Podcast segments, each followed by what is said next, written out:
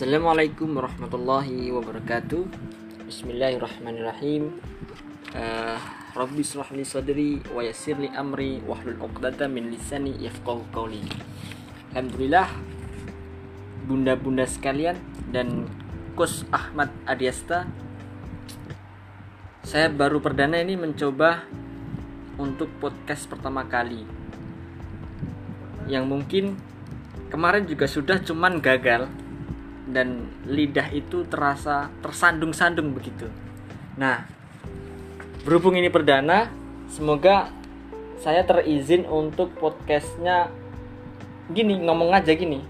Tapi agar agar tidak tidak sia-sia juga ngomongnya, maka saya coba ingin menyambung ke tulisan di dalam buku. Nah, oke saya langsung saja biar nggak kelamaan. Yang penting nyampe 2 menit kan minimal Buddha. Nah, di sini di bab di jalannya kita bermesra. Ada kutipan dari Khalil Gibran. Kita semua sama, terpenjara dalam kesendirian, hanya saja ada yang terkurung di ruang gelap tanpa cahaya, sementara yang lain menghuni kamar berjendela. Berabad-abad lamanya filsafat sastra pengetahuan dan para peneliti memberitahu bahwa satu-satunya alasan kita menjalani hubungan dengan orang lain justru adalah demi kepentingan pribadi atau setinggi-tingginya ia hanyalah penyeimbang yang kita perlukan untuk menjaga egoisme. Ya, menyendiri adalah penderitaan, tetapi kebersamaan tak kalah buruknya. Ilmu pengetahuan yang datang belakangan dengan mendasarkan diri pada falsafah evolusi Darwin semakin mempertajam pemahaman tak ramah tentang hubungan antar manusia ini. Hubungan sejati adalah persaingan habis-habisan hingga terjadi survival of the fittest. Konsep bertahannya yang terbugar inilah asas Darwinisme sosial. Maka bahwa seseorang yang penuh kebajikan altruis Eh, sebentar, sebentar. Enggak tersandung lagi.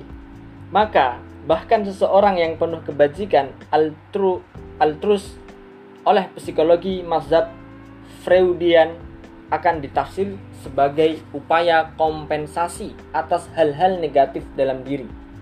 Pemujaan dan kebanggaan terhadap diri pribadi. Mungkin juga psikologi behaviorisme melihatnya sebagai tanggapan hiperbola terhadap rangsang situasi. Ini semua sungguh kebenaran yang tak menyenangkan dan menyesakkan hati. Terima kasih Tuhan, ungkap Tony Buzan dalam The Power of Social Intelligence. Berdasarkan penelitian-penelitian yang dilakukan belakangan ini, muncullah gambaran yang lebih rumit, canggih, baik, dan positif mengenai hal tersebut. Adalah Joseph Henrich antropolog dari University of Michigan dan koleganya Robert Boyd dari University of California in Los Angeles. Berada di barisan para pendobrak anggapan yang menggelisahkan itu.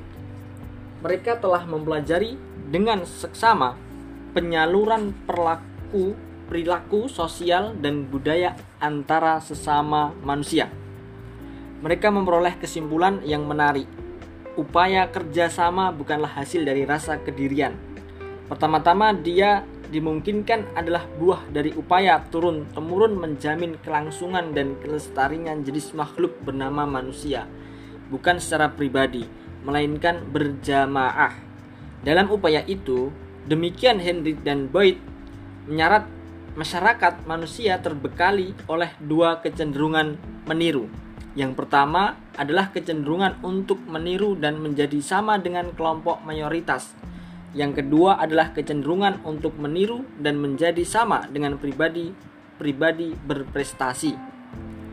Peniruan ganda ini membawa ke tahap demi tahap keberhasilan keberhasilan yang positif dan berpangkat-pangkat. Upaya kerjasama mengarah pada terciptanya kemungkinan adanya lebih banyak pangan peningkatan kualitas kesehatan, keberlimpahan daya cipta, serta adanya lebih banyak energi. Semua hal ini berkelindan membentuk peningkatan mutu kehidupan yang kokoh dan bisa dinikmati oleh masyarakat manusia secara keseluruhan.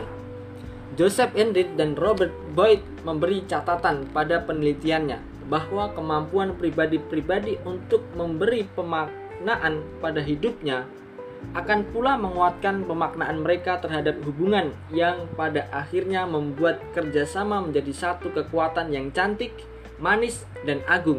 Nah, selama ini seperti apa pemaknaan kita terhadap persaudaraan dan kebersamaan? Wih, sudah lima menit deh. Ternyata sudah lebih dari dua menit. Gak terasa juga, Alhamdulillah. Nah, semoga ini podcast perdana ini bisa menjadi banculo bancu ban, batu loncatan saya untuk podcast-podcast selanjutnya ya. Bunda, terima kasih semua. Terima kasih banyak semuanya bunda-bunda dan terkhusus Kos Ahmad Adiasta. Arigato. Wassalamualaikum warahmatullahi wabarakatuh.